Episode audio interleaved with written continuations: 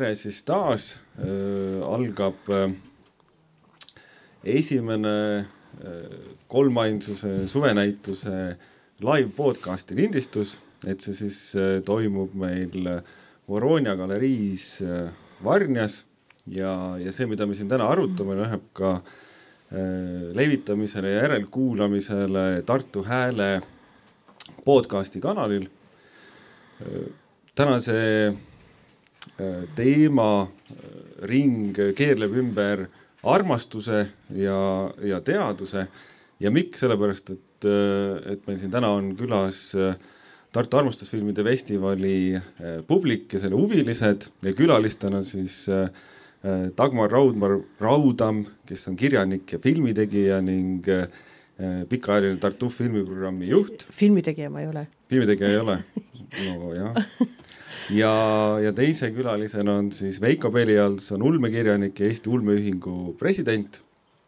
ja mina olen Tõnu Esko, geeniteadlane ja täna ka, ka kuraatori ja, ja intervjueerija rollis.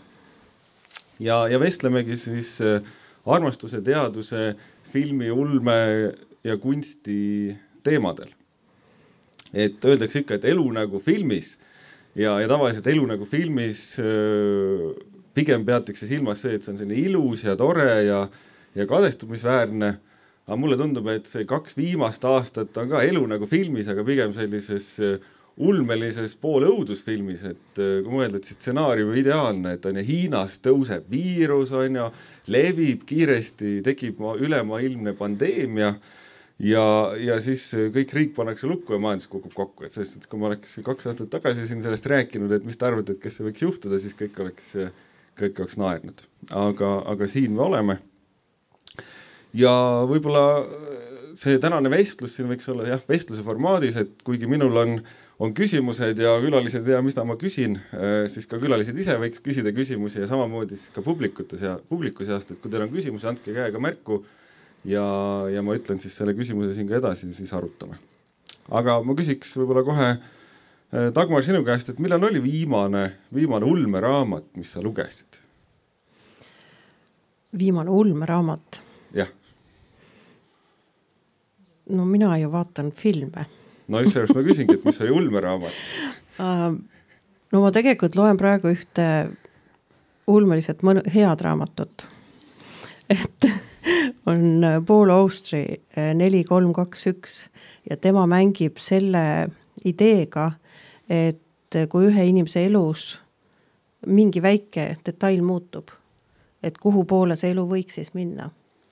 Ja noh, ta ei ole otseselt ulme, aga tegelikult, tegelikult ma seostaksin seda küll selle, selle mõttega, et kui juhuslik meie elu on, et kui juhuslik ta on, et kui, kui palju meil on mustreid elus ja, ja kas nad on, kas need on mustrid ja kui palju äh, määrab sinu elu üks väike otsus, üks väike detail, üks minut, minut hilinemist kuhugile ja mis su elust siis saab, nii et ma vastasin praegu niimoodi suhteliselt äh, niisugune hea, hea ulme, ulmeraamatu stsenaarium kindlasti ja Veiko võib-olla isegi oskab nimetada meile kohe teoseid, kus see on olnud nii-öelda põhisüžeejooneks.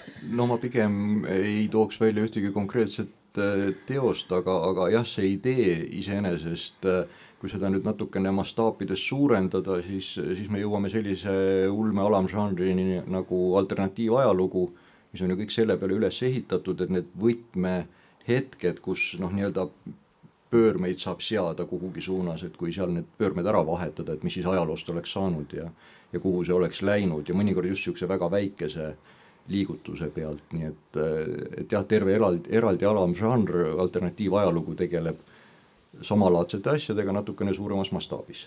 noh, eks see on ka see ütlus, et nii-öelda see liblika tiivalöök nii-öelda ühes, ühes maailma otsas võib tähendada tsunamit teises, et, et nii ta on aga noh, Veiko, sa võib-olla juba aimasid mu nii-öelda jätkuküsimust ette, et, et milline oleks siis nii-öelda see ulme, ulmefilm, äh, mida sa nägid viimati? jah, üleeile vaatasin äh, sellist, noh, ta ei ole täispikk, umbes viiskümmend minutit sellist filmi, mille nimi on Blood Machines, noh, eesti keeles vist peaks ta olema Kosmilised masinad, ametlik nimi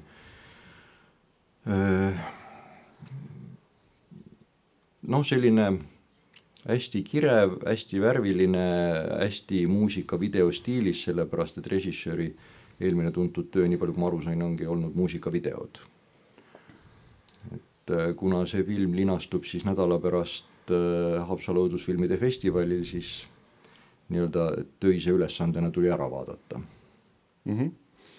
ja mulle endale tundub, et äh, kui me siin teeme Kaiaga koos tuuri, ja toome selle näitena, et kui elada virtuaalreaalsuses või simulatsioonis ja ütleme, et vot nagu Matrixi filmis oli, et elavad kapslis, et siis kõik, kõik noogutavad, et mulle tundub, et see on kuidagi selline kultuslik film, mida kõik on, kõik on näinud, et ma ei teagi, kui siin nüüd äh, saalist küsida natuke käega märku, et kes on näinud äh, Matrixi filmi ja teate, millest ma räägin, et äh, kiire selline käed püsti. no noh, tuleb jah üheksakümmend viis protsenti. ja, ja võib-olla ka siin veel teadusest ja ulmest või noh, ulmest just niisugune põnev fakt, et eh, tuleb välja, et teadlased, eelkõige reaalteadlased on siis see grupp inimesi, kes loeb regulaarselt ulmet, et veel kakskümmend üheksa protsenti eh, reaalteadlastest, ütleme matemaatikud, füüsikud, eh, keemikud, bioloogid, et nendest kakskümmend üheksa protsenti loeb ulmet, mis on päris põnev ja me tegime matemaatikutega seda sama harjutust kätekanti märku ja siis seal küll oli sada protsenti äh, olid lugenud ja öeldagi, et ka asum on nii-öelda kohustuslik kirjandus mm -hmm. statistikas, aga ma, ma mainiksin juurde selle Matrixi juurde, et meil on Tartufil sel aastal programmis dokfilm, mis ongi nagu klõps maatriksis või, või, või, või väike viga maatriksis ja see räägibki sellest kogukonnast, kes selle filmiga on üles kasvanud ja kui palju nad seda usuvad ja kui palju see nende elu on mõjutanud ja ausalt öeldes mõni inimene on ka kaotanud oma elu tänu sellele, sellele ühele kultusfilmile. et äh, see on meil programmis jah. ja reaalteadlaste ulme sellisest äh, noh, poolkohustuslikust seosest minule meenub üks artikkel Äh, kus oli enam-vähem oligi see lause, et, äh, et noh, seda on uuritud ja, ja, ja reaalteadlased tudengitena just peaksidki tõesti ulmet lugema, sest see avardab nende, nende mõttemaailma ja paneb äh, mingeid asju teistmoodi võib-olla vaatama.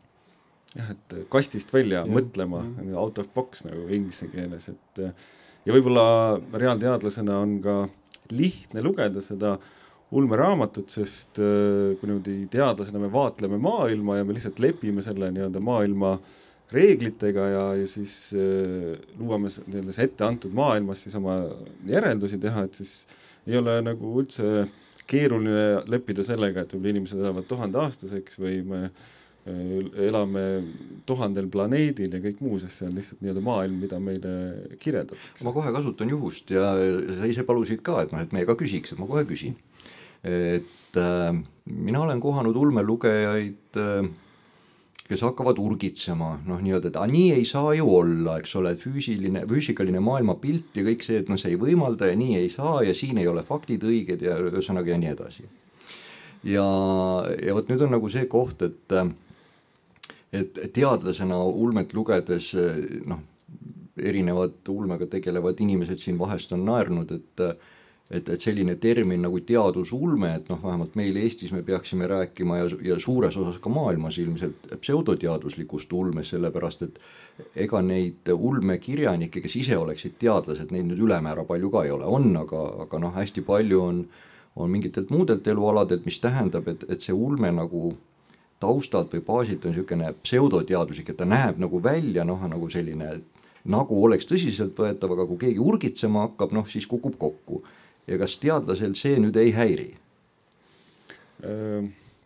no isegi küsiti, võib-olla natuke niimoodi parafraseerides su küsimust, äh, Veiko, aga küsiti, et kas, kas pigem ei tohiks keelata ära nagu äh, kooliealistel ulme lugemine, sest siis nad hakkavad noh, nagu igast asju ette kujutama ja kes see siis nagu nii-öelda matemaatikat nagu jälgib ja tahab nagu leppida sellega, et kaks pluss kaks on, kaks pluss kaks on ikka neli ja ja et kivi kukub nagu maapinnale, mitte ei lenda õhku, et aga noh, küsimus on väga-väga hea ja ma just mõtlesin, et noh, palju mind siis häirib, noh, kuna ma ei ole füüsik, siis ma ei tea kõiki neid äh, nii-öelda seal neid kosmilisi seadusi ja ei ole need ka kõik meeles, isegi kui nad on õpitud, et see mind ei häiri, aga küll vahest äh, paneb muigama, kuna ma nii-öelda hariduselt ja elukutselt olen geneetik, et kui nii-öelda geenidega põnevalt, äh, põnevalt ringi käiakse, et äh, kõige võib-olla elavamalt meeles lugesin ähm, sellist žanrit nagu teismelise või noh, teenage paranormal romance ehk siis noh, teis, teismeliste müstiline armuromaan, et noh, sealt näiteks selline kultusraamat nagu Videvik, Twilight on ju, kindlasti jälle kõik on näinud, küsin käega annan märku, ma arvan, kõik jälle samamoodi, üheksakümmend viis protsenti on seda näinud, aga seal oli selline põnev teooria, et et seal noh, võitlesid vampiirid ja, ja, ja siis libahundid ja, ja oli siis niimoodi, et, et olla vampiir, siis sa pidid ühe kromosoomi ära kaotama. noh, et kuidagi seal see viirus nakatas, et sa kaotasid ühe kromosoomi ära ja libahundile siis tuli üks kromosoom juurde.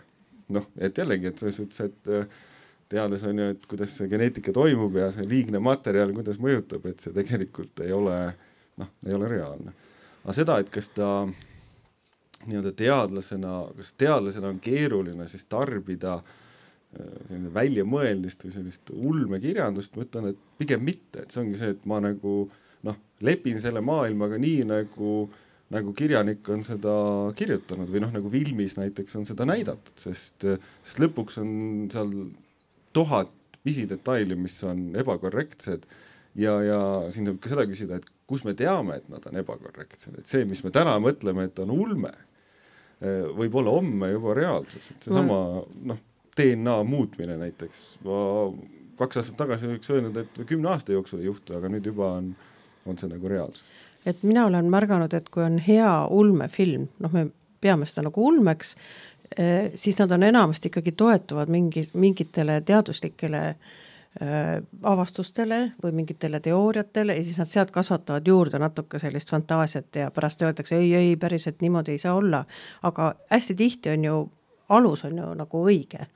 Et ma tooksin välja mingid sellised filmid nagu see Interstellar või, või Gravity, et äh, peale selle, et minu meelest nad olid väga head ja emotsionaalselt hästi mõjuvad filmid, et ikkagi seal see, ta ikkagi mängis äh, teooriatega, mis on päriselt.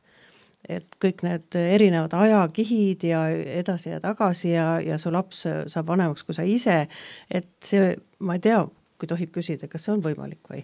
et kui sa, et kui sa, kui sa lendad päriselt ka nii kaugele mm -hmm. nagu sinna musta augu poole, et kas, kas see, kas see teoorias on võimalik, et sa, kui sa oled juba inimesena nii kaugel, et maal see aeg liigub nii palju kiiremini, inimpõlv on nii lühikene, et, et su laps saab sinust vanemaks? Äh, ma heal meelel muidugi annaksin nii-öelda mikrofoni edasi hulluses olevatele nii-öelda füüsikaprofessoritele, kes kindlasti sellele oskavad täpsemalt vastata, aga, aga selle Interstellari puhul ma tean küll seda, et seal näiteks äh, nii-öelda filmi tegijad rahastasid teadlasi, et need noh, nii-öelda mm -hmm. arvutaks välja mingid nii-öelda teooriad ja ja mudelid noh, selles ajas rännule ja, ja mustale augule, et, et see, mida seal Interstellaris näidati, et see nii-öelda teoreetiliselt on see, on see võimalik, see, kas ta ka praktiliselt on võimalik, see on juba hoopis teine mm, -hmm. teine küsimus ja samamoodi ma tean, et et mingi film ajendas matemaatikuid nii-öelda nagu äh, välja arvutama seda, et kas, kas mustade aukude olemasolu on võimalik või ei ole võimalik.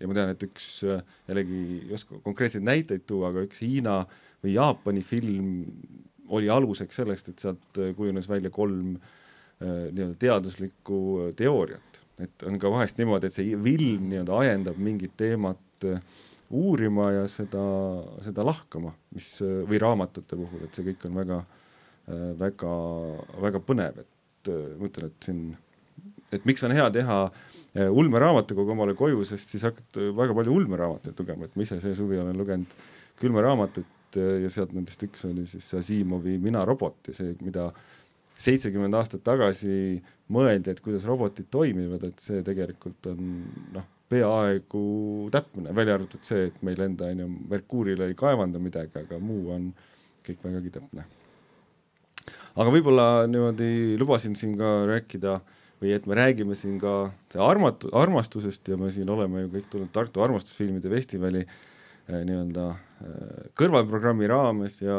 ja isegi olen seal Raekoja platsi peal külmetanud südaöösel paiku ja filmi nautinud, et ma küsikski Dagmar su käest, et kust see selline põnev mõte nii-öelda, et meil on armastusfilmide festival ja siis seal teemaks on või fookusteemaks on nagu teadus, et no see, kuna üsna hiljuti me otsustasime, et me hakkame neid Tartufi festivale tegema alateemade, noh, rõhume mingile alateemale ja, ja meil on eelnevalt olnud, on kunst, muusika ja siis äh, seoses võimalusega teate, teadusagentuuriga koostööd teha, pluss äh, tundus, et jube ägedad on need ulmefilmid, et ikka suurel ekraanil Tartus näidata suur kosmosefilm ja niimoodi. ja siis nagu sealt see mõte tuli, aga siis juhtus see, et koroona tõttu on tulnud uusi filme väga vähe välja ja need, mis tulevad, mis üldse välja tulevad, need lähevad kohe äh, äh, online ja neid filme me ei saa näidata suure, me peame ikkagi näitama festivali filme, mida ei ole kinos olnud, mida ei ole võimalik online vaadata. isegi kui nad tulevad päev pärast meie festivali all online, et noh, igal juhul nad ei tohiks ennem olla ja me ei leidnudki, me ei leidnudki ilusat, suurt, sobivat ulme kosmosefilmi, aga noh, juba oli välja kuulutatud see programm ja siis, siis lahendasime seda teistmoodi dokfilmidega ja kõrvalprogrammiga ja, ja mõne, mõne üksiku mängufilmiga siis mm. -hmm. aga seda ei olnud, et millal teil see see mõte tekkis nagu, et see fookus oleks teadus, et mulle no üsna, üsna pärast eelmist Tartufi. Sest peab ju, peab juba hakkama kas, ju ette valmistama. kas koroona oli juba möllas või veel möllas, möllas, möllas, möllas, eks see ka muidugi loomulikult, see ka aitas sinna kaasa. sest jah, ma enne unustasin küsida, aga et me küsisime, et mis oli raamat ja film, aga milline oli äh, teie viimane põnev teadusuudis, mis te lubas, lugesite, aga mis ei olnud seotud koroonaga, sest meil tänapäeval mina, kõik on koroonaeksperdid. minu lemmik teadu, teadusuudis oli see, et äh, on leiutatud programm või noh, on välja töötatud programm, siin pole midagi leiutada, et kui, et inimene äh, tahab rääkida ükskõik mis suahi, suahiili keeles, siis läbi selle programmi ta räägib iseenda häälega, see programm räägib selle inimese häälega selles keeles et automaatselt, nii nagu Google äh, tõlgib praegu teksti, nii ta tõlgib inimese enda häälega siis seda, et sa võid helistada kellele iganes maailma otsas ja räägid temaga tema keeles. Mm -hmm.. noh, põhimõtteliselt nagu meil see Kalev Kaks seal pimedas ruumis loeb ette seda piiblit, et seal noh, et see on samamoodi, et ta peaaegu isegi on selline inimlik, inimlik hääl. jah, noh, see on äh, teelatehnik et varsti-varsti on see hääl kindlasti inimlikum, muidugi see on esi, esialgu roboti hääled, aga no mis minul nagu teadusuudistest äh, noh, positiivselt äh, kuidagi silma jäid, äh, olid siis noh, need mitu erinevat uudist, aga nad on kõik kuidagi omavahel seotud, ehk siis need erafirmade kosmoselennud, mis nüüd hea küll, praegu on kättesaadavad siis nendele ülirikastele, kes siis ise neid asju arendavad, aga aga selle taustal oli ju vahepeal ka uudis, et eestlastel oli võimalik kandideerida siis äh, astronaudiks, äh, mis on nagu selles mõttes nagu sellise tervikkomplektina selline tore asi, et äh, et pärast pikki aastakümneid täielikku vaikelu ja, ja, ja seisakut on, on kuidagi see inimese kosmosesse minek jälle nagu teemaks tõusnud. ja, ja sealkandis toimetatakse ja noh, selles valguses on ju jube tore, et et nii vähe või palju, aga et Eesti võib ka endale külge kleepida selle sildikese, et kosmoseriik. jah, ja võib-olla on ju, läheb ka Põltsamaal uuesti selle ja, ja, kosmose, kosmose marmaadi, marmelaadi tegu lahti, et saab jälle tuubist aga ma vahepeal küsiks, küsiks selle temaatilise Tartufi kohta ka, et et need ulmefilmid, nende, nende nagu väljatulemine ja promomine ja need summad ja kõik need asjad, see on nii hoomamatult suur maailm, et et päris sellise teemavalikuga Tartufi, et, et mitte teadus ja mitte, mitte kunst, vaid ulme, et seda vist karta on päris sellisel kujul ikka ei tule või? noh, teadus meil juba see aasta on ja nii või naa, et kui meil on alateema, et see ei tähenda, kogu programm mm -hmm. on yeah, kitsalt yeah. ainult sellele teemale pühendatud, muidu noh, inimesi on ju palju, inimesed tahavad erinevaid asju näha, et äh, ma kardan, et mitte lähiajal aga, aga me mõtleme sellele. sest ma ise olen ka, ma ise, ma ise armastan ulmefilme. mitte neid, kus on need limaloomad mm ja, ja kus tulnukud on hästi pahad kõik ja tahavad kõiki tappa, mitte neid, vaid noh, neid nagu ma mainisin mm, -hmm. et mis nagu põhinevad natukene mingile päriselt töötavale teooriale, et need on ikka väga Või põnevad. nagu oli Arrival näiteks see tõlke, tõlketeemadel, see tulnukatega suhtlemine, tõlkimine ah,. ja, ja, ja, ja, ja noh, mis mind nagu hästi puudutab nendes ulmefilmides ja kosmosefilmides on ikkagi see inim, inimhinge üksindus ja see võimendub seal kosmoses. et äh, nagu sellest ei saa küllalt, et igas variandis mulle meeldib, meeldib vaadata neid filme.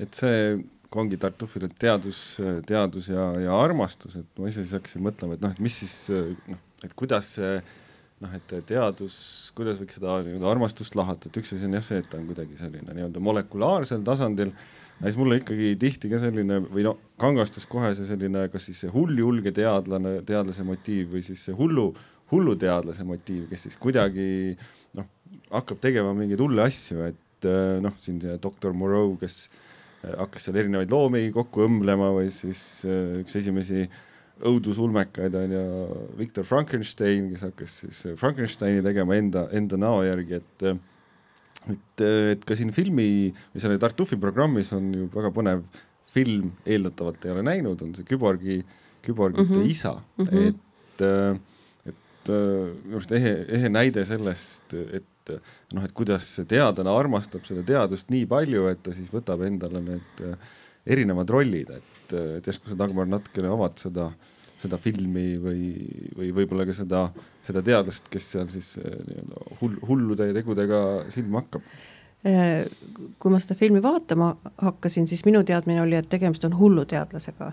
aga kui sa selle filmi oled ära näinud, siis ta ei ole hull midagi, et eh, ta lihtsalt tõesti tegelebki hullude asjadega, nagu sa ütlesid, et need on kaks erinevat asja ja, ja kuna seal tekkis, noh, tõstatus nii palju eetilisi probleeme, ta nimelt äh, tahtis aidata äh, inimesi, kes, kes, kelle närvisüsteem on nii palju rikutud, et ta ei saa oma mingeid liikmeid liigutada ja ta äh, siis töötas välja sellise ajustimulatsiooni, et see inimene mõtleb ja see käsi ja jalg, mis muidu tal tegelikult ei liigu, liigub. ja, ja selleks on tal vaja siis aiu panna mingeid teatud pisikesi äh, elemente ja kuna sellest tal on noh, päriselt patsient, kellega ta seda kõike tegi, sellest tuli suur kisa ja kära ja siis ta pani endale selle. nii et ta kas iseenda aju, läbi iseenda aju äh, siis äh, töötas edasi seda, seda teooriat. ja noh, äh, ma ei tea nüüd, kui kaugel tema oma asjadega on, aga ma kuskilt lugesin, ma ei tea, kas see on tõsi jälle, et tegelikult on juba jõutud nii kaugele, et kuskil Ameerikas keegi stimuliseerib kellegi aju Jaapanis ja seal Äh, see ihuliige liigub, nii et, nii et äh, ta ei ole, ta ei ole hull, hull aga kas ta, aga kas ta on nagu selles mõttes nagu selline äh, garaažiteadlane, et ei, ei, ei, või on ta ka täitsa kuskil ei, ei, ta on, ta on akadeemik, ta on teadlane ja tal on oma grupid ja asjad, aga lihtsalt selle eetik, eetika konflikti tõttu ta sattus nagu põlu alla, aga mm -hmm. ei, ta on ikka teadlane jah, ta ei ole garaažis et selline, et, et, et jah, et ise, ise võtan kuskilt mingid juhtmed ja panen ei, omale, omale külge. ta lihtsalt jõudis see... nii kaugele oma asjadega, et täitsa tõsiseltvõetav inimene et see jah, see eetika piir tuleb vastu, et noh, nagu meil siin ka see kolmandas näitusel, et seal ongi nii-öelda need eetilised, teaduse eetilised piirid, et kui me tehniliselt jõuamegi nii kaugele, et kõik see nii-öelda mikro, mikrokiibindus ja, ja, ja näiteks ka need geenimodifikatsioonid, et jõuabki nii kaugele, et, et noh, see, see saabki, me saamegi hakata seda tegema. et, et siis just on nagu ju filmides, aga ka just ulmekirjanduses on kõik see nagu läbi vägagi palju läbi mängitud, et, et sellepärast on see ulmekirjandus selline põnev meedium siin, mida, mida kasutada, et me ei peagi nii-öelda kõiki asju võib-olla katsetama kohe, vaid on tegelikult see lugeda raamatukogu läbi ja siis on nii-öelda paljud nendest maailmadest juba läbi. eks, eks need kirjanikud ja filmitegijad ju võtavad ju needsamad ideed ülesse, millega tegelikult teadlased tegelevad või millega üldse inim, inimene, inimene tahab ennast parandada, siis ta mõtleb, kuidas seda küll teha saab. Äh, ja, ja teadlased, äh, ühesõnaga see, ma arvan, see on pöördumatu et, et kui juba on jõutud nii kaugele, et midagi on juba osatud teha, siis nad lähevad selle kanti edasi. see need, see eetilised küsimused, noh need võib-olla midagi pidurdavad ja, aga minu, mina arvan, et eh, lõpuks on see ikkagi nii, et al-, algab sellest nagu praegu kosmoseturismindus, et kellel on raha, see saab kosmosesse, kellel on raha, see saab endale täpselt sellise lapse, nagu ta soovib. et natuke õudne on mõelda küll sellele, aga ma kardan, et võib-olla meie ei näe seda, aga eks, eks see ongi see ulmekirjanduse võlu, et enamasti mängitakse need probleemid ja teemad äh, läbi ammu enne mm, -hmm. kui teadus üldse nii kaugele jõuab, mis tähendab, et kui nii kaugele jõutakse, siis on nagu nii-öelda pool tööd juba ära tehtud ja siis me oleme mingid probleemid jõudnud ära sõnastada juba, et äh, millega me kokku puutuma hakkame üldse. et need on nagu inimese instinktid, et nad, et see tuleb mingist sisemisest vajadusest ja siis juba teadus tuleb järgi, mitte mhm. vastupidi, ma arvan. aga Veiko siin äh, lugesin äh, raamatut seda Fandomi sünd ja siis seal arutati selle üle või toodi välja, et, et ajalooliselt on nii-öelda mitmed sellised äh, nii-öelda ajajärgud või sündmused, mis kuidagi võtavad äh, ulmekirjanikelt ja võib-olla ka filmitegijatelt nii-öelda selle nende lemmikteema või siis nii-öelda tööriistakasti käest ära, et seal noh, näiteks on see noh, need suured sõjad või see kosmosesse lend või, või siis näiteks inimese kloonimine, et et kas praegu on ka midagi sellist, mis, mis kuidagi nagu noh, mõni hiljutine sündmus või midagi, mis kuidagi nagu, et kas on ulmes teemasid, mida, mida veel arutada, et siin noh, mulle endale tundub, et see küborgide isa, et kui võtta selle peale hakata juttu kirjutama, et siis nii-öelda teemana see ei ole midagi väga uudset. jah, eks see noh, mingil määral elu jõuab, jõuab paratamatult ju järele jah, ja, ja muutused on Äh, kuidas öelda, kiirenenud, ehk siis jõu-, jõutakse järele võib-olla kiiremas tempos kui, kui kunagi varem. aga, aga samas vot needsamad ikkagi need eetilised probleemid, ega need siis kuhugi ei kao, mis tähendab, et see äh, bioinseneering või, või ütleme, see kimääride äh, tegemine, geneetika kokkusegamine, hübriidide tegemine, noh, ega see on ju jätkuvalt, kuna need võimalused avanevad ju järjest juurde ja juurde, siis ta ju ikkagi teemana on, on üleval.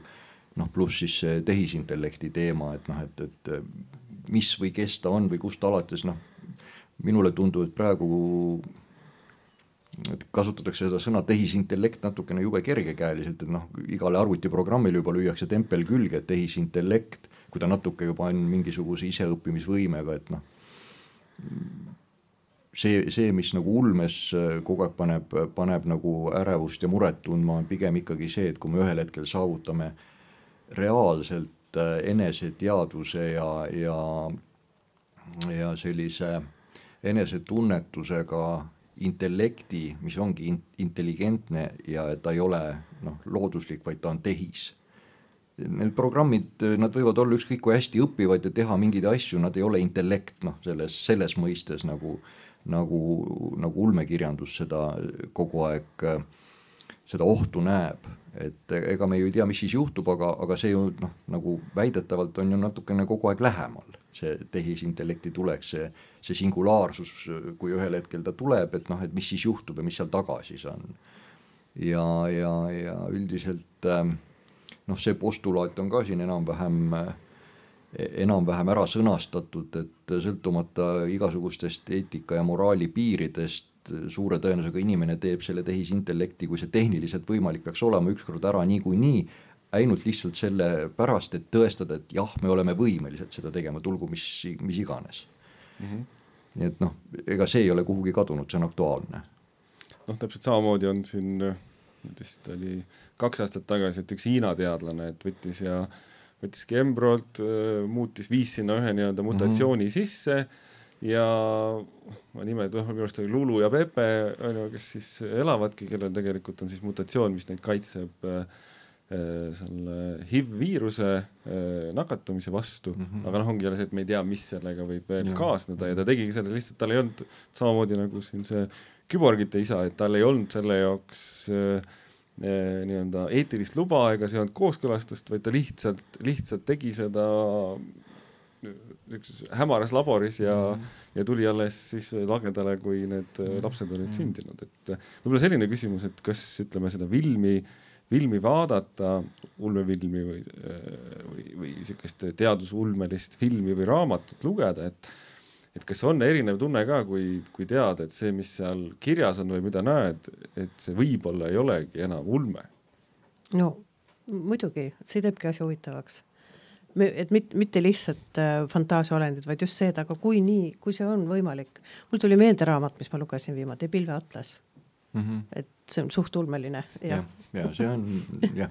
See on päris ja filmi olen ka näinud ja, ja, ja noh, näiteks seal on see, et kõik äh, tegelased ju muutusid äh, noh, väli, välised nagu asiaatlikuks, mis on ju ka täiesti noh, see võib olla täiesti tulevikustsenaarium, et see on nagu loogiline, kui arvutada, et kui palju keda kus on ja kui palju geene edasi liigub ja et need on niisugused põnevad mõttekäigud minu meelest. jah, endal nüüd tuli kohe siin meelde oli Dan Browni see raamat See viirus, kus oli ka see, et no selle, et, et äh, vältida või nagu piirata seda, et et seda nii-öelda maailm üle, üle rahvastuks või see rahvaarv niimoodi veel suuremaks ei kasvaks, et siis jällegi kas siis hull teadlane või hulljulge teadlane või siis südametunnistusega teadlane arendas laboris viiruse, mis siis iga, iga kolmanda inimese muutis äh, viljatuks.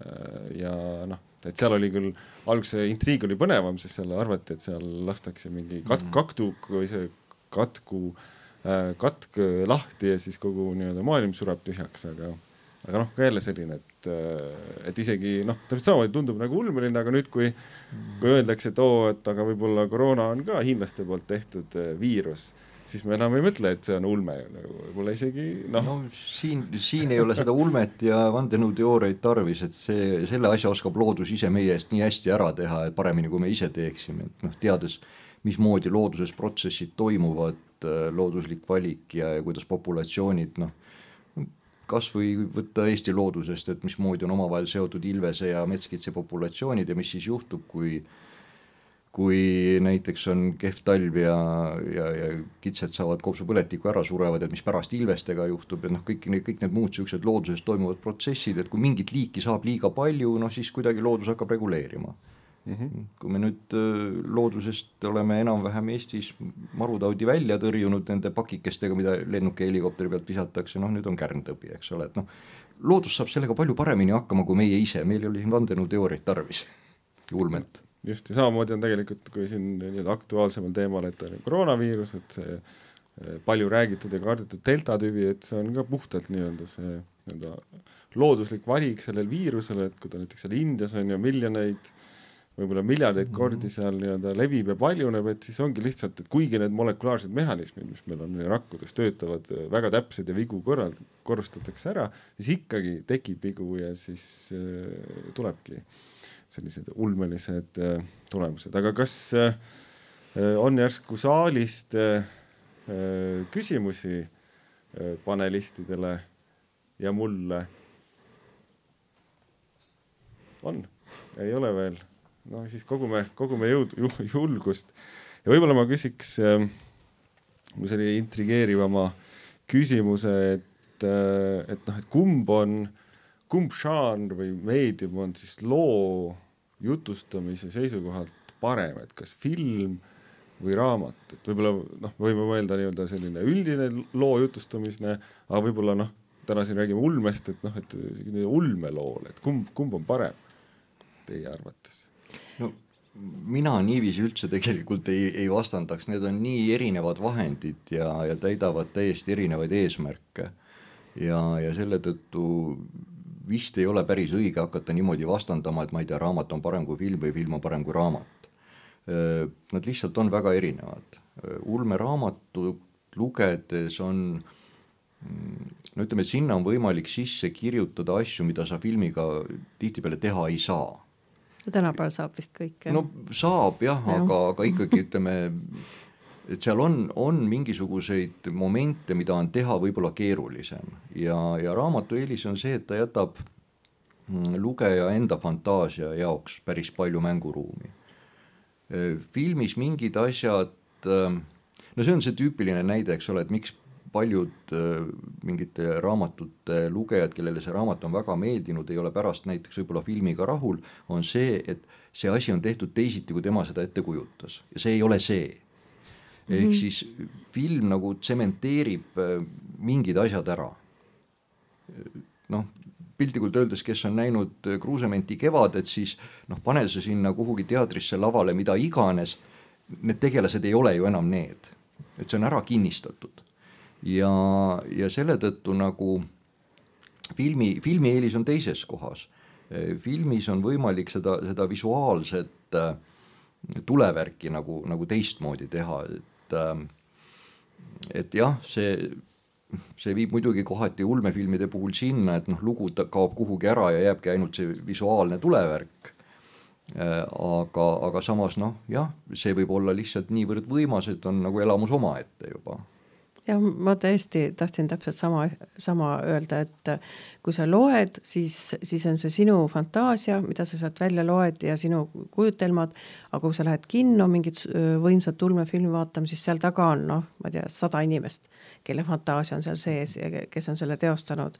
et äh, üks ongi see, mida sa ise läbi elad ja teine on see, mida sulle antakse või pakutakse ja kui see on võimsalt tehtud, siis sa saad lühiajalise kahetunnise elamuse, aga kui on hea raamat, siis sa loed seda võib-olla palju kauem ja, ja seedid seda hoopis teistmoodi järgi, nii et jah, ma ka ei, ei, jul, ei julgeks küll ühe asja kohta öelda, et see, et raamat ja film, et ja noh, sellises väga-väga sellise, ütleme, kosmoses tundu-, toimuvale ulmefilmile, mis võib olla ka ju armastuslugu, et tegelikult ju näitlejale on see ju väga keeruline, sest nad on üldjuhul nendes rohelistes kombinesoonides hüppavad kuskil rohelises ruumis ringi, et seal nagu seda noh, et see keskkond üldse ei aita kaasa, et seda nii-öelda näitleja tööle, et just, et see. Nad mõjuvadki natuke totakana, sellepärast et nad ei tea, mis neile pärast sinna ümber ehitatakse, kus nad tegelikult nagu justkui on. jah, aga kui nad selle välja mängivad, siis on tulemus seda ja, parem, sest ja. siis peab ikka väga hea näitleja olema. et jah, tihtipeale ütlevad ise ka, et umbes, et esilinastusel näeme ise ka, mis asja me tegime. -hmm. ma mõtlen, muidu on jah kõik roheliste, roheliste ürpidega hüppavad ringi. aga, aga ikkagi, et noh, et kui, kui meil on äh, valida, et on juba, on juba film linastunud ja, aga raamat on ka poes olemas, et, äh, et kumb, kumb järjekord oleks nagu siis mõistlikum.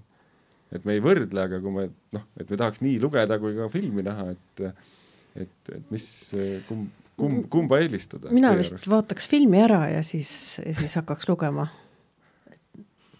ma ei ole isegi niiviisi teadlikult kunagi, kunagi nagu mõelnud või proovinud teha, et noh, et reeglina kipub ta ikkagi minema nii, nagu, nagu juhtub.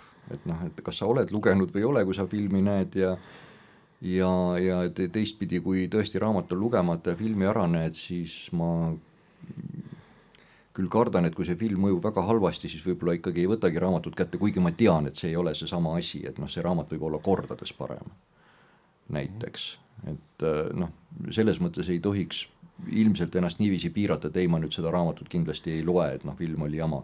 mõnikord ei jää sellest raamatust mitte midagi järele, kui sealt film tehakse. jah, tihtipeale ei jäägi jah ja..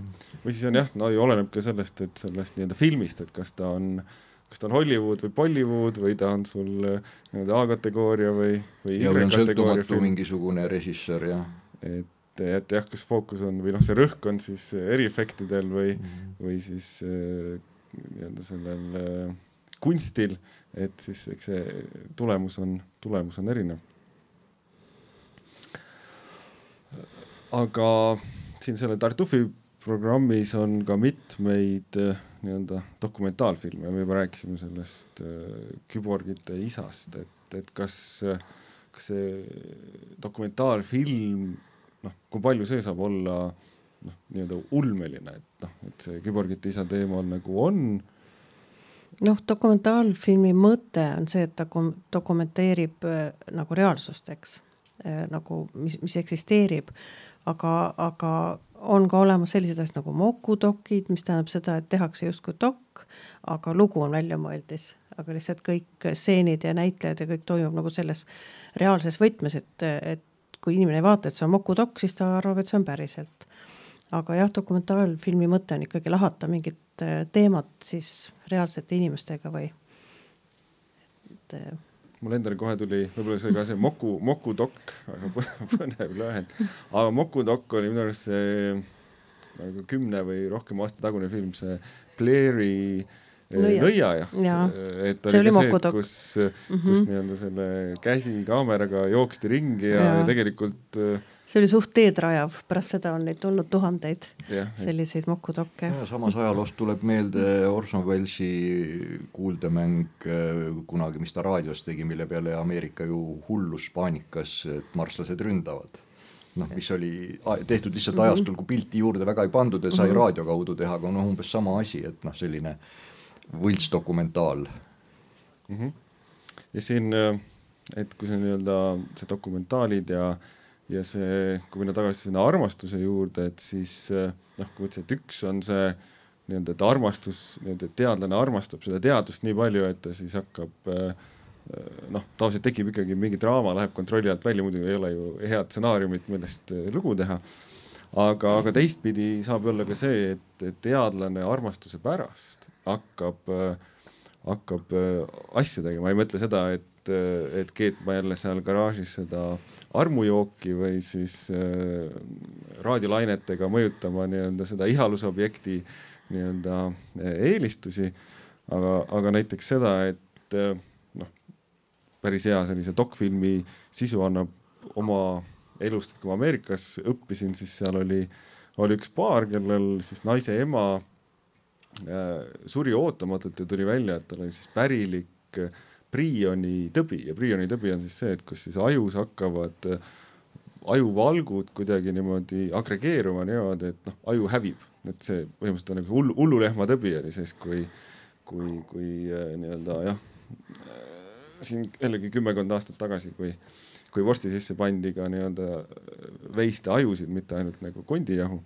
ja siis selle tulemusena äh, minu arust see naine oli, oli äh, jurist ja ma arvan, mees oli noh, võib-olla tal oli oma ettevõte, et nad tegelikult päevapealt jätsid äh, jätsid selle endise elu ja, ja tulid ja hakkasid õppima molekulaarbioloogiat ja tegid omale doktorikraadiga. Ja nad teadsid, et see naine kannab seda mutatsiooni ja et neil on umbes kakskümmend aastat, et luua see ravim äh, või lahendus sellele probleemile, vastasel korral lihtsalt äh, naine sureb. et see noh, ta ka tegelikult selline nii-öelda äh, ulmeline stsenaarium, aga pigem rohkem selliseks nii-öelda dokfilmi võtmes ja nii-öelda armastusfilmi mõttes nii-öelda mitme, mitmetasandiline, et on see inimestevaheline armastus, aga siis on ka see armastus võib-olla selle teaduse vastu. väga huvitav oleks teada, kuidas, kuidas neil see nii-öelda lõpeb. No viimati on... neil teed-, on doktorikraadid on juba käes ja minu arust neil see potentsiaalne nagu ravi äh, molekul on ka loodud ja vist isegi juba IRTE-s nagu katsetatud. et, et see on ka see, kus, kus midagi võtta nagu eesmärgiks, et, et saada eksperdiks ja siis lahendada ise ära enda mure. noh, muidugi teaduse puhul on see keeruline asi, et seal kindlasti tuleb see kümme, kümme tuhat tundi eh, sisse panna ja need teadmised omandada, et seda päris niimoodi ei ole, et ma guugeldan natuke internetis ja siis ma nii-öelda noh, suudangi luua seda ravimit. aga kuidas, äh, kui selle kümne tuhande tunni peale edasi minna, et kuidas on, et kas ütleme, kui raamatuid kirjutada, et ma tean, et te mõlemad olete mitmeid raamatuid kirjutanud ja Veikoga palju toimetanud, et, et kuidas see on, et palju, palju sinna seda tunde läheb sisse, enne kui, enne kui saab heaks, heaks kirjanikuks muidugi see on omaette küsimus, kes on hea kirjanik, aga, aga ütleme siis loetavaks loetavaks kirjanikud. ohohoo, väga keeruline on, on, on mõõta, et et kui midagi kirjutada, siis häda ongi selles, et ega see kirjutamine ei ole siis see hetk, kui sa kirjutad kuskil otse, et noh, suur osa kirjutamisest on see, et tegelikult sa loed, siis sa mõtled, noh, seda, seda ei ole väga hästi võimalik mõõta, neid tunde, mis mingi asja peale kulub just selle tõttu, et äh, noh, tihtipeale sa ei teagi, et äh, see, mida sa kuskilt kuuled või loed või näed, et see ühel hetkel läheb kuskil käiku ja see on vajalik. mis tähendab, et noh, sul ei ole võimalik niimoodi öelda, et nii, nüüd ma tegelen mingi loomisega, kirjutamisega, eks ole, ja nüüd, nüüd ma ei tegele. kust ma tean? Tegelikult võib-olla tegelen, ma ise ei teagi, et ma parasjagu tegelen, sellepärast et noh, ma kunagi kasutan mingit kogemust, mingit, mingit väikest, väikest asja, mida ma kuulsin, nägin, lugesin. nii et noh, seda ei, mina, mina ei oskaks seda üldse mõõta. kas pigem on niimoodi, et äh, on selline nii-öelda läbimüügi hitt on nii-öelda esimene raamat või, või kümnes raamat? Pole õrna aimu ka. igalühel erinevalt ilmselt osa, osad hakkavad hitiga ja, ja panevad edasi ja osad hakkavad hitiga ja kukuvad ära ja osad ei hakka hitiga ja jõuavad hitini ja no mis iganes. ei, ei alusta hitiga ja ei jõua ka hitini. ja osad ei alusta üldse mitte kuskilt ja ei jõuagi kuhugi e-, eks sellega vist nii, et nagu sulle koguneb midagi, mida sa tahad öelda. et seda koguneb ja koguneb, vähemalt minu puhul ja siis ma, see on suht ühes jutis nagu läheb, tuleb see välja ja siis on kõik rohkem noh, kui juba paberil juba raamatuna välja tuleb, siis enam isegi ei taha ühtegi rida ka lugeda sealt, et ma, ma usun, see on täiesti individuaalne mm. -hmm noh, kuni selleni välja, ma tean kasvõi nende hulgas, kes meil ulmet kirjutavad, et kui erineva tööstiiliga on inimesed, et osad nii-öelda valavad kõik paberile, mis vähegi tuleb, umbes nii, et seal ei ole otsa ega äärt ja, ja hoo ega hoobi vahet ja komakoht ja mitte midagi, kõik pannakse kirja ja siis käib hiljem hirmus töötlemine ja ülelugemine ja ja, ja, ja noh, mina ise kipun vastupidi olema, et ma kirjutan siis, kui, kui noh, nagu asi on noh, enam-vähem sellises staadiumis, et ma tean, mida ma kirjutan või, või noh, ma katsun kirjutada võimalikult võimalikult sellist teksti, mida ma ei pea mitu korda ümber töötlema, et ma nagu katsun selle enne mõttes selle nii-öelda töö ära teha. et see protsessor nagu töötab enne, mitte pärast jah, kui ma koolis äh, tuli kirjandit kirjutada, siis mulle meeldis ka niimoodi, et mõtlesin kaua ja siis kirjutasin niimoodi ühe ropsuga ja siis ma kunagi ei mhm. viitsinud, siis mul oli alati komade ja kirjavahemärkidega probleem, sest ma ei viitsinud kunagi seda uuesti üle lugeda ja neid sinna nagu panna, et ma lihtsalt olin juba sellest nii, nii tüdinud, et, äh, et meil su suvisel ulmekokkutulekul oli natuke sarnasest teemast juttu ja päris mitu inimest ütlesid, et et nad olid püsti hädas oma kirjandusõpetajaga, sest kirjandusõpetaja nõudis mustandit. mis tähendab, et nad nagu kirjutasid pärast, kui kirjand valmis oli, kirjutasid mustandit selle järgi, mis valmis oli mm. -hmm. sest noh, nõuti, et peab olema ja nemad ei olnud niipidi harjunud tegema, et nad kirjutasid, mõtlesid, mõtlesid, mõtlesid ja kirjutasid valmis. aga kuna oli kohustus, et ei, mustand peab olema, siis nad kirjutasid pärast nagu niisuguse mingi musta versiooni siis. natuke sotisid. no jah, tõmbasid midagi maha ja kirjutasid mingi lühema versiooni ja panid pealkirjad mhm. umbes, et sissejuhatus, teemaarendus. kokkuvõte. jah. aga see on jah, nagu selles suhtes nagu põnev, põnev küsimus, et noh, raamatuna, et võib-olla ongi see, et kogud, kogud kümme aastat, kakskümmend aastat mingeid ideid, kirjutad raamatu ära on läbimüügi hitt ja siis inimesed ootavad, aga millal tuleb järgmine raamat mm, -hmm. aga siis on see, et kas see noh, siin enne Veiko natuke arutasime, et noh, et kui järjed on ju, et filmidele järjed, et need järjed tavaliselt ei noh, ei vea välja või ei ole nii. no Ristiisa puhul vastu no, no, ei kehti. no, no on ja. kindlasti.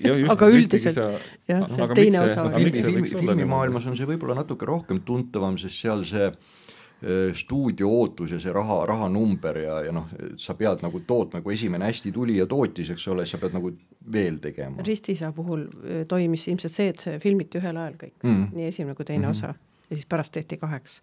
ja siis, kui kolmas osa tuli, siis see läks aia taha aga jah, raamatutega võib-olla see ei ole veel see, see nii, no okei okay,, noh, mõne asja puhul on, eks ole, et äh, on ju läänes kirjanikke, kes müüvad ju ette oma mingid noh, ma ei tea, neli-viis mingit köidet maha et, et noh, tulevad need järjed, ma need kirjutan, noh Martin siiamaani ei, ei kirjuta neid viimaseid, sest kogu aeg tulevad muud, muud mingisugused vaheprojektid, stsenaariumid ja, ja mingisugused muud asjad ja keegi enam ei usugi, et ta need viimased osad ära kirjutab, sest kogu aeg on midagi muud põnevamat. milline Martin? GRR. Jää ja tule laul. aa, okei okay. ehk siis seal on viimased kaks köidet ju ikkagi puudu, mida ta kogu aeg juba ma ei tea, kui kaua lubab ja, ja noh, mida ta siis loodetavasti kunagi ka ära kirjutab ikkagi.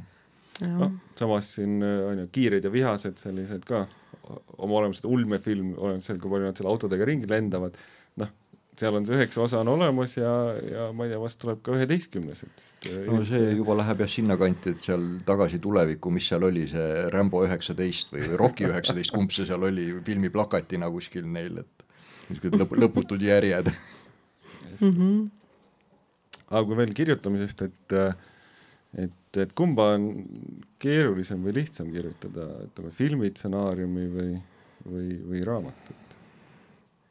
ma ei tea, kas me, teil kogemusi on? mina ei ole filmi stsenaariumit kirjutanud, mis tähendab, et ilmselgelt minu jaoks oleks see väga keeruline, ma ei kujuta üldse ettegi, mis nõudmised seal on ja kuidas seda teha.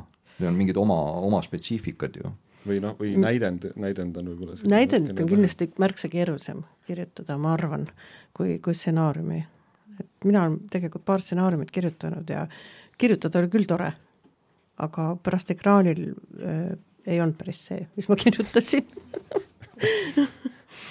aga miks? no sealt tuleb sada muud asjaolu ju sisse ja noh, see, need olidki sellised projektid, et seal on ja siis on see režissööri nägemus kindlasti. ei, ei, ei, mitte selles, vaid puhtalt igapäevased tehnilised no.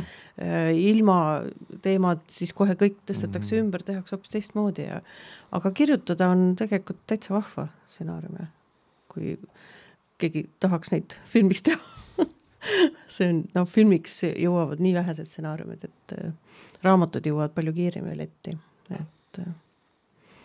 jah, et see raamatut noh, tegelikult kui mõelda, et siis tegelikult on päris noh, raamatupood on ju raamatutest niimoodi lookas, et küll paljudel on see tiraaž on, on väike, aga selles suhtes on järjest nagu läheb väiksemaks, jah. mitmekesine, et ma just vaatasin, lugesin, lugesin Asumit, vaatasin, oli kuuskümmend tuhat oli, oli tiraaž, et äh, Eestis Eestis, see oli jah. see vana esimene trükk. jah, see on kaheksakümne, kaheksakümne viiendal aastal, et, äh, et vist praegu selline nii-öelda menukid ongi seal Andrus Kivirähk ja, ja mõned Mihkel Raua raamatud ja, ja võib-olla ka Indrek Harglal Äh, oma alternatiivajalooliste äh, äh,. muidugi, mis nad tänapäeval kavalalt teevad, on see, et nad ei pane enam kuskile sinna impressumisse tiraaži kirja mm. -hmm, ei pane jah erinevalt nõukaajast, kui nad olid seal kirjas. ja, ja nad noh, annavad välja väiksema tiraaži ja siis, kui otsa saab, siis te, tehakse lihtsalt uus juurde naksti, et äh, alustatakse minu meelest, ma ei tea, noh, kindlasti mitte kivirehk või raud, aga aga noh, näiteks paari aasta taga, tagune mingi kirjand-, aasta kirjandusauhinna pälvinud romaan, esimene tiraaž oli kaheksasada tükki. jah, mis on päris kobe juba. mis on päris kobe, aga ikkagi juba mingi hetk oli ta ka allahindlusega mm, -hmm. et äh, väga väiksed tiraažid on praegu jah. noh, samas see väike buklett, mis seal mustas ruumis, et seda on äh, see oli, on, tiraaž on kolm, millest et ainult üks on, üks on köidetud ja ka jälle nii väikest tiraaži on samamoodi keeruline, eh, keeruline saada, et see tüki, tüki hind läheb päris, päris mhm, krõbedaks mm, -hmm. aga noh. aga noh, tänapäeval vähemalt see võimalik oli ju aeg, kus ei olnud võimalik äh, alla mingit teatud kogust üldse tehagi. jah, et seal on noh, ma ütlen viis tuhat, viis tuhat lehekülge eh, noh, copyright'i seal teha on keeruline, et see mingi viga sisse hüppab aga, aga meil on ikkagi see nii-öelda armastus, armastusteema ja armastusfilmid või armastusraamatud, et, et Veiko käest ma sinu käest küsikski, et kui palju noh, et on noh, palju või kui tihti on armastus selliseks äh, kandvaks motiiviks äh, ulmekirjanduses? Ta tihti on nii-öelda ju sees seal ikka. ei, ta ikka on jah, aga kandvaks motiiviks, no see on nüüd see, et jah, mis sorti ulmest me räägime, et kui me võtame nüüd selle, mis sa ise siin näiteks tõid, Videviku saaga ja kõik tema kloonid, eks ole, ehk siis noorte ulme jangade alt äh, ja selline just nagu veel, veel fantasy kallakuga äh, noorsooulme, siis noh, seal ta tihtipeale ongi kandev motiiv, mille ümber kõik keerleb, kõik ülejäänu on butafooria ju seal juures kui me võtame nagu sellise noh, nagu päris sellise teaduslikuma teadusulme poole kandvaks motiiviks, mul tuleb endal küll üks film meelde, mitte, mitte, mitte küll kohe raamat, ehk siis mulle meenub Luc Bessoni Viies element, kus oligi noh, see armastus oligi see viies element, et noh, seal oli ikka tõesti, selle peale oligi kõik üles ehitatud.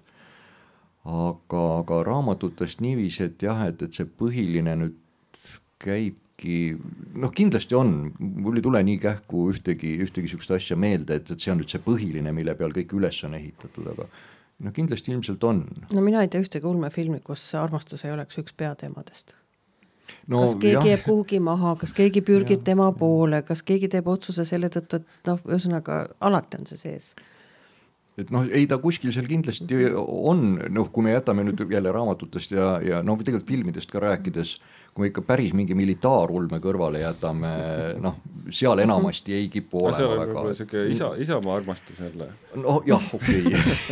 või üleüldse nii-öelda armastus maa vastu, kui tulnukad ründavad, eks ole aga, aga jah, ei ta ikkagi kuskil, kuskil mingil määral kindlasti mingil moel on, mul enda jutukogugagi viimasega, millest on nüüd juba üksjagu aega möödas, tuleb meelde, et et ma sinna kirjutasin ühe sellise minisarja küberpunk jutte ja omast arust üritasin siis ka, et noh, küberpunk ja, ja ulme ja, ja SF ja kõik ja siis, kui ma nad olid ära kirjutanud, siis, siis ma avastasin, et ohoh, et tegelikult äh, päris mitu juttu on, on nii-öelda armastusjutud tegelikult.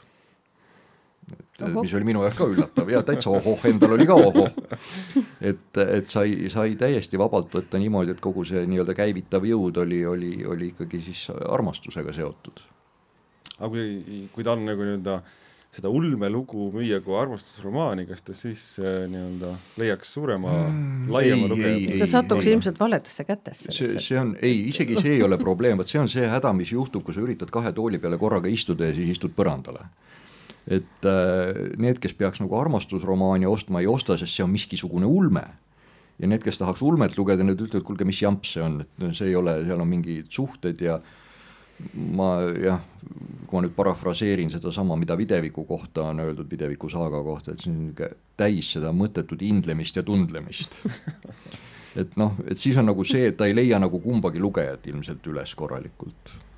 aga kuidas, kuidas filmiga on, et kas filmi, filmis see nii-öelda žanri määratlus on, on sama oluline või nagu nii-öelda selline, nagu Veiko kirjeldas äh, raamatute puhul? no üldiselt sellist filmižanri, et armastusfilm eh, üldiselt nagu otseselt ei ole, on draama, on komöödia, on ulme, määratlusi saab alati välja mõelda, mul siiamaani on mälus äh, Nõukogude ajast, kui sai Kesk-Aasias äh, matkamas käidud ja seal täiesti kogemata sattus äh, ette kinoplakat ja näidati parasjagu siis sellist filmi nagu Viimne reliikvia kinos. ja millel siis oli venekeelne žanri määratlus oli ehk ajaloolis, Komöödia. ajaloolis-seikluslik komöödia jah, ja mi- armastusest mitte üht sõna. mitte üht sõna. Meie jaoks on ta ju puhtalt romantiline film. aga žanri määratlus oli nii, et kolm sõna lausa oli reas. no ilmselt see kutsub publikut sealkandis teadsid, mida panna sinna peale. Jah, et see m- no romantiline ulmefilm suund. oleks pigem ikka ulme. oleks Jah, romantiline ulme, siis see tundub, et ah, see pole mingi õige ulme. ulmefännid ilmselt ei lähe. ei, ei, ja no ja armastusfilmide võib-olla huvilised ka ei läheks. No no ja jah, ulme sellist ju. ulme, no just, et seal on nagu on siis inimese ul- ul- tulnuka vaheline nagu mm -hmm, ilus armastuslugu, et on ikka veits selline eh, noh, no aga Avatar. jah, jah, oli täpselt, täpselt seesama, eks just, ole, see oli ja väga- tulnuka vaheline. aga võib-olla sellepärast, et see tulnukas oli ka seal siukene nii-öelda kütvestav ja see maailm, kus nad elasid, oli selline ilus jah, või me siis räägime hoopis, et oli niisugune ökotriller. ökotriller just. no oli ju, Oli. looduse pärast võideldi. jah, jah. ja, ja rohepööre ja kõik muud Mhm. sellised eh, sellised asjad. et, et armastusest, et eh, teadlasena jälle mõeldes, et siis see armastus tundub, ei ole üldse nii, nii tugev tunne või selline eh, loomuomane või liigiomane kui näiteks selline hirm ja, ja õudus, et, et selleks, et nii-öelda armastus või kiindumus tekiks, et seal on selline põnev, põneva struktuuriga molekul nagu oksüdotsiin, mis siis on nii-öelda ema ja lapse vahel, aga ka, ka nii-öelda armastajate vahel nii-öelda aju eritab seda virgatsainet ja siis tekivad need tunded ja samamoodi on siis äh, dopamiin seotud, seotud selliste meeldivate, meeldivate tunnetega. aga et samas- siis, siis tulevikus saab tekitada nii, et, et sa no saab, et mõjutad selle õige inimese, seda, mis sa ütlesid, ütle uuesti see sõna, see esimene. oksüdotsiini. oksüdotsiini. jaa, no aga nagu, nagu on millal, see, millal et seda, see millal see tuleb? no aga ravim, no millal tuleb, no kui ma ütlen, et ei tule, siis võib-olla juba homme, homme ei saa, võib-olla ülehomme saab juba apteegist osta seda. Ja, nii-öelda ekstra sensitiivsete inimestega rääkides, ma arvan, neil juba on kindlasti selline põnev, põnev karafin anda ja noh, aga tegelikult nagu, aga miks mitte, et sest nagu on, on ju ravimteedel on, on selline mõju, et noh, kasvõi see, et närides pajukoort on ju, saame aspiriini ja läheb, valu läheb ära, et, et äh, kui mõni selline ürdi, ürdiliköör, et võib-olla ka Raulil seal on pakkuda mingit peenemat armastust tärgita või ärgitavat äh, likööri, et siis ta see peab olema õigesse kohta suunatud, jah, see jah. on keerulisem. aga lihtsalt, kuhu ma tahtsin nagu jõuda sellega, on see, et kui see, see armastus on selline nii-öelda nagu õpitud või et ta tekib, aga ta tekib nagu lühiajaliselt, siis äh, sest geneetiliselt tundub, et on sisse kodeeritud selline nii-öelda hirmud, et noh, näiteks selline alateadlik hirm ämbliku ees või, või ussi ees või pimeda, pimeda koopa ees, et me ei pea seda õppima ja see on väga keeruline ka sellest hirmust või foobiast äh, lahti saada noh, kui, kui nüüd selle looduse teema juurde tagasi tulles, kui sa nüüd mõtled, siis äh, selles mõttes ellujäämisinstinkt, millega hirmud seotud on, on ju selles osas oluliselt vanem, sest järglaste saamiseks looduses enamasti armastust vaja ei ole. Järglasi saadakse ilma selle tundeta ju ka. ja, ja kui no looduse toimimist vaadata, siis on täiesti loogiline, et ellujäämise seisukohalt õigel ajal hirmu tunda on olulisem. et, et elus püsida, et kuna see tundub olevat nagu tundena palju, palju vanem kuskilt tont teab kui eelajaloolistest ajast, kus, kus juba mingisugune instinktidega elu noh, mis oli natuke rohkem kui lihtsalt mingi protoplasma ja amööbid, et kuskilt sealt alates ilmselt ta on ju sees. et noh, mõnevõrra on nagu loogiline.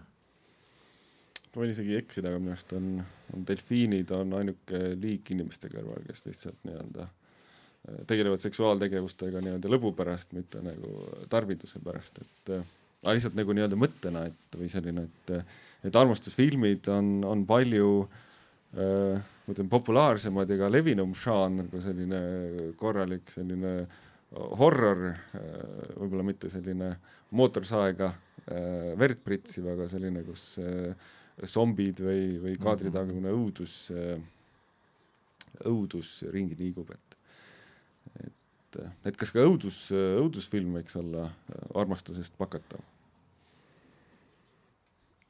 Äh, ei kindlasti lähe. annab välja mõelda. annaks küll, aga kuidagi need žanrid ei klapi. ei klapi? ma ise, mulle endale meenus selline põnev film oli, Hollywoodi film oli, oli ka seal, zombid olid jälle seotud ja siis oli seal, tekkis armastus nagu nii-öelda zombi ja inimese vahel.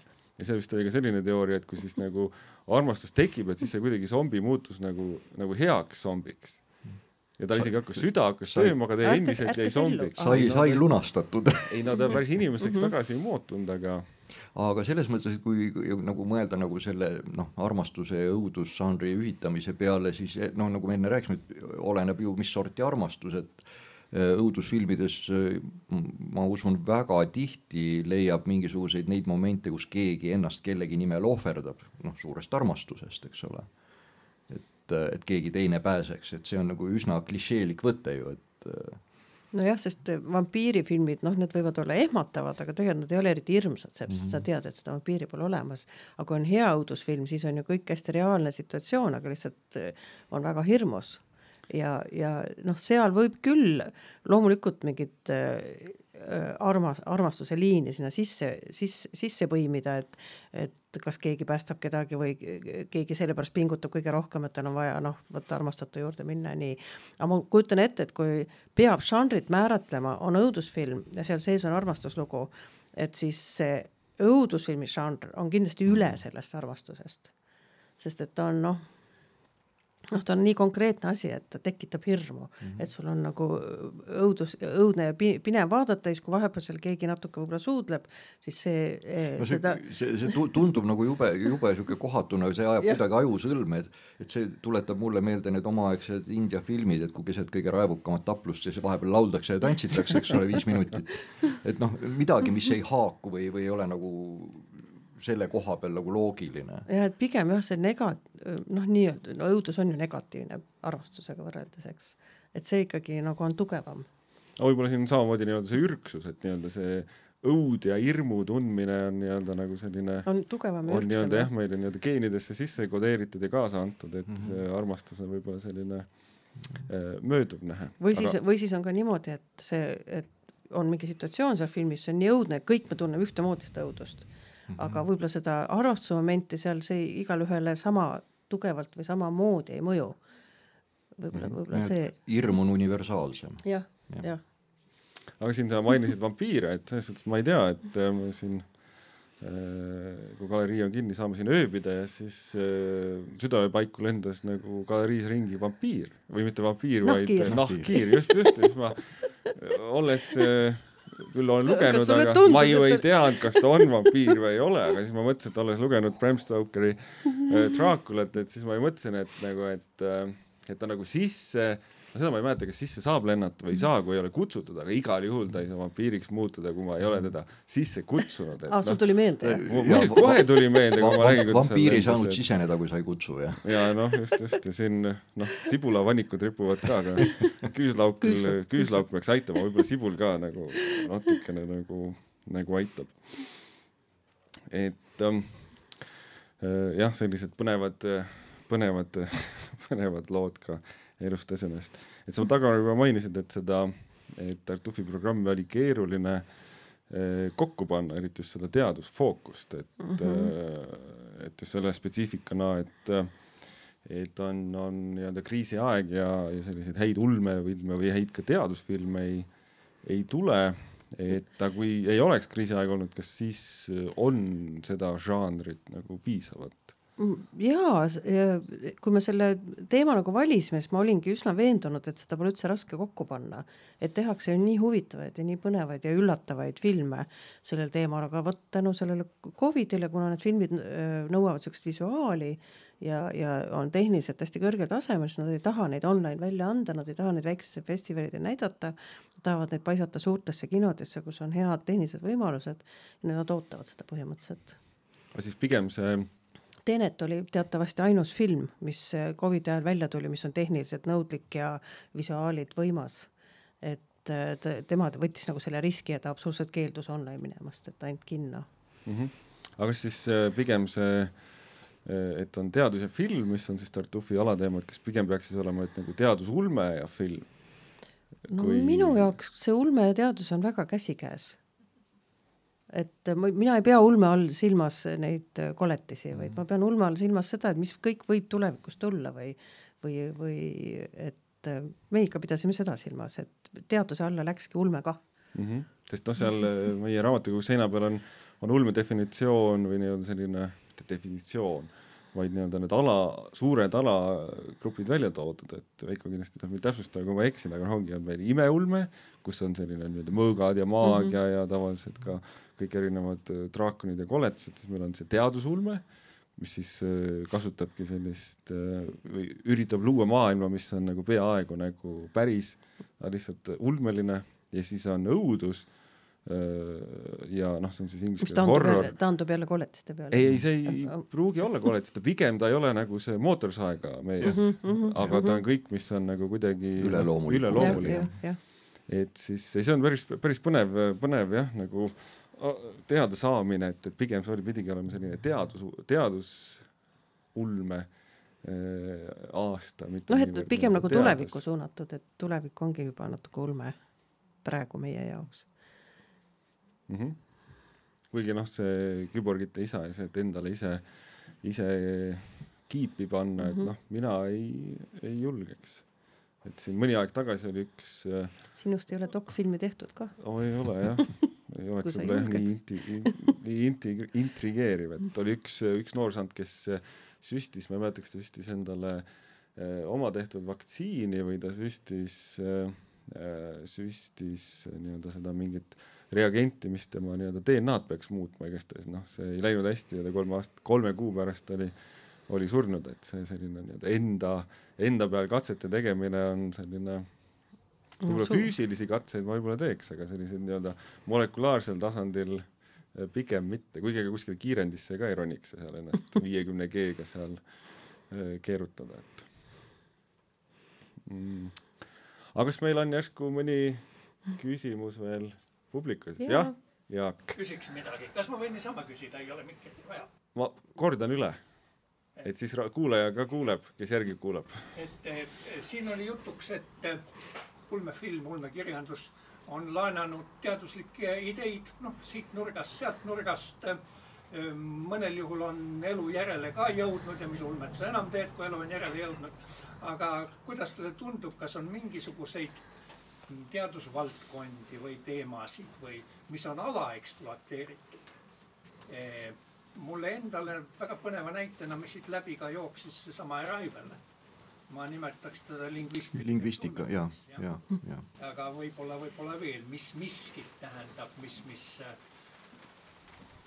kuhu maksaks rohkem pilku pöörata võib-olla kordan küsimuse, et jah, küsimus oli selles, et kas äh, kas on mingisuguseid teadusvaldkondi, millest saaks kirjutada veel häid äh, ulmeraamatuid, aga mida ei ole väga palju tehtud?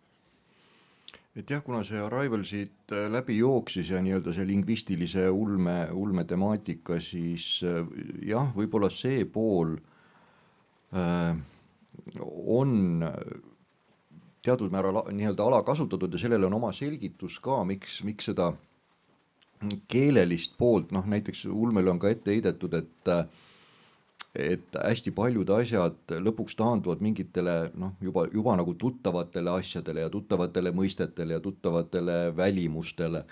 et, et miks ei minda nagu ulmega noh, veel kaugemale, et miks, miks, miks me kirjeldame nagu mingisuguseid asju ja keeli ja kasutame sõnu, mis on juba olemas ka tulnukate puhul näiteks et miks ei, ei, ei võeta kasutusele midagi täiesti kummastavat ja teistsugust. ja seal on nagu üks hästi lihtne põhjendus olnud, miks, miks seda ei tehta võib-olla või miks seda kasutatakse vähe äh, noh, üks valdkond võib-olla on, on ka see, et näiteks seesama lingvistika, siis pead sa hirmus hästi kodus selles olema, et seda nagu kuidagi ära kasutada üldse. aga teine asi, miks, miks seda võib-olla vähe tehakse, on, on ka see, et, et ulme on niivõrd tähendust täis, ühesõnaga need ideed ja asjad kipuvad äh, tihtipeale olema noh, nii suured, nii võimsad ja võtma nii palju ka lugeja tähelepanu ja nõudma lugejalt nii palju mõttelist kaasatöötamist. et kui see kõik panna nüüd mingite selliste sõnadega, mida ei ole olemas ja mis tekitaks veel lisavõõritust, ta ei võtaks vastu enam seda kõike. et, et, et selle taha kipub jääma. et äh, jah, on ju tehtud äh,, seda on jälle rohkem, ei saa öelda, et rohkem filmides, nii filmis kui raamatus, et noh, Tolkien näiteks ju oma haldja keelt välja töötades noh, kasutas näiteks soome keelt baasina ja ja, ja siis äh, Star tracki filmimaailmas on ju klingonite keel on reaalselt välja mõeldud koos kirjamärkidega. maailmas on fänne, kes valdavad klingoni keelt, noh, see on täiesti niisugune tehislik välja mõeldud keel on inimesi, kes suudavad selles rääkida ja kirjutada, sellepärast et see on nagu koos grammatika ja tähestikuga kõik välja mõeldud. ja, ja noh, inimesed siis saavad kuskil suurtel kokkutulekutel kokku ja räägivad klingoni keeles omavahel. nii et, et noh, iseenesest seda on olemas, aga, aga jah, seda võib-olla on vähe. ja ma ei oska nii äkki isegi praegu midagi midagi kohe välja tuua, et mis, mis valdkond see siis nüüd veel võiks olla. suure tõenäosusega on need valdkonnad sellised noh kuidas öelda, nii-öelda teadusvaldkonnad, mis ei ole seksikad. ehk siis kõik see, mis on väga tähelepanu keskpunktis, tehisintellektid, eh, kloonimised, omal ajal robotid, tuumaasjad, eks ole, kõik, need jõuavad kohe. aga see peab olema kuskilt. matemaatilistest ulmekatest on näiteid mm.? noh, Asum on ju hea näide sellest, kuidas on see. no ta on natukene matemaatikast kaugemal juba, et ähm, kas oli äkki soomlastel Leena Kroonil oli äkki mingi matemaatilised olendid, mingi jutt, aga mul praegu nagu sisu väga ei meenu, et kas, kas see nüüd sisult ka midagi väga matemaatilist ulmet võiks olla. ma millegipärast arvan, et meie maailm on ka piisavalt suur, et kui midagi on võimalik olnud välja mõelda, ära teha, siis kuskil midagi kindlasti on välja mõeldud ja tehtud, aga see ei ole piisavalt ütleme siis suure kaaluga aga ma arvan, et igasugu imelikud asjad on välja mõeldud, kaasa arvatud võib-olla matemaatiline ulme. Jah, nüüd äh, ma arvan, vaikselt hakkab meil aeg otsa saama, et mul tegelikult kaks, kaks küsimust oleks veel, et üks küsimus oleks rohkem nagu selline äh, nii-öelda professionaali abipalve, et noh, et, teadus, teadus oma olemuselt on küll väga põnev ja kõik ütlevad, et teadus on nagu hea, aga siis, kui teadlane üritab nagu teadusest äh, reainimesele rääkida, et siis see kukub välja nii, nii igav, et see kuulaja jääb magama või minestab ära. et kuidas seda noh, teie kui, kui professionaalsete nii-öelda jutu, jutuvestjate või jutu äh, äh, loojatele, et kuidas, kuidas teadlane peaks oma teadust äh, esitama niimoodi, et ta oleks äh,, oleks haarav või ei saagi, teadus ei saagi olla haarav, sest ta ongi nii detailirohke ja tulebki detailidesse süveneda, et seda lugu ja loo olulisusest, olulisusest aru saada? no mina arvan, et äh, kui kuidagi saaks mingit teaduse informatsiooni visualiseerida kuidagimoodi, et see jõuaks võib-olla paremini kohale võhikutele ja, ja kes on juba täiskasvanud inimesed pole teadusest, teadusega kokku puutunud, neid vist enam pöörata ei saa, aga nooremaid tänapäeval on noh, kuna kõik on ju arvutites ja ekraanides kinni, et kui see kuidagi läbi visuaali anda, et võtta appi nagu mingid sellised asjad, et äkki, äkki siis jõuab inimestele paremini kohale, sest et eh, noh, lihtsalt fakte teadvust, teadvustada on, on ikka väga keeruline. aga kas film, film, see, kuidas nagu film tehakse või kui film käsitleb mingisugust äh, teaduslikku teemat, et kas see ka kuidagi suunab või mõjutab seda, kuidas äh, nii-öelda tava, inimene tänavalt antud te teadusteemasse äh, suhtub, et võib-olla peaks, peakski mõtlema, et millised on need nii-öelda olulised teemad, nendest tegema mängufilmid ja läbi selle nii-öelda äh, no ma usun, ma usun seda. küll, et kui tehtaks mingi hea, no ongi film, mis on hea ja ta tegeleb ühe teadusliku probleemiga ja need tegelased suudetakse ekraanil tuua inimesele lähedale, et siis tal tekib ka huvi, äh, et millega nad tegelevad. ja kui see film on veel noh, natuke ameerikalikult, et, et see on kõigile hea, et see on kogu maailm, et selle aitad maailma sellega, et et, äh, et siis võib-olla siis see vaataja hakkab selle probleemile üldse mõtlema. noh, selle loo jutustamise või et kuidas, kuidas rääkida, et kui inimene äh, räägib millestki kirega, siis see niikuinii haarab mm. -hmm. ja teine asi, et kui sinna juurde panna nüüd see, et, et teha seda nagu arusaadavas keeles, noh, rääkides siis mingit, mingit lugu või kasutades analoogiaid või, või noh, ühesõnaga, et, et mitte ei ole see, et, et jube põnev küll, aga kõik see, mis on põnev, on nagu mingi kuiv faktipuru, mis minule on põnev, aga kuulajale ei ole. no näiteks no, see, näiteks see piiblituba, see on ju parim näide et mingid, mingid ana-, analoogid või näited Jaa. või siuksed äh, kas mõned numbrid jäid meelde ka? hoomatavad, no, no see kolm koma kolm miljonit. või kolm koma kaks või kolm koma kolm miljardit. ja siis sellest, sellest on siis veerandik Ja. on nüüd seal toas, eks noh, see ikkagi juba loob mingid seosed. et, et niisugune arusaadav, mõõdetav või hoomatav mingisugune asi, millest inimene saab aru, sest noh, ma ei tea, füüsikas on tänapäeval niisuguseid asju, millest ma ei tea, kas need füüsikud isegi kõik päris täpselt aru saavad, et et kvantfüüsika ja, ja kõik, kõik need niisugused teemad kuskil võib kinnitada, et ei saa. no vot e, ehk siis me oleme jõudnud enam-vähem sinnani, mida Clark omal ajal ütles, et e, piisavalt kõrgele arenenud teadus on nõiakunstist eristamatu. ehk siis me oleme jõudnud sinna, et teadust tuleb uskuda, seda kõike ei saa enam tõestada jah, või nagu asumiski oli see, et, et nagu, et ühiskonnad, mis oli kaotanud tuumaenergiat, ainuke viis, kuidas seda Äh, seda nii-öelda tehnoloogiat sinna ühiskonda sisse viia, oligi läbi usu yeah.. ja, ja preestrid olidki tegelikult mm -hmm. nii-öelda tuumafüüsikud yeah., kes, kes yeah. lõid ja tegid asju.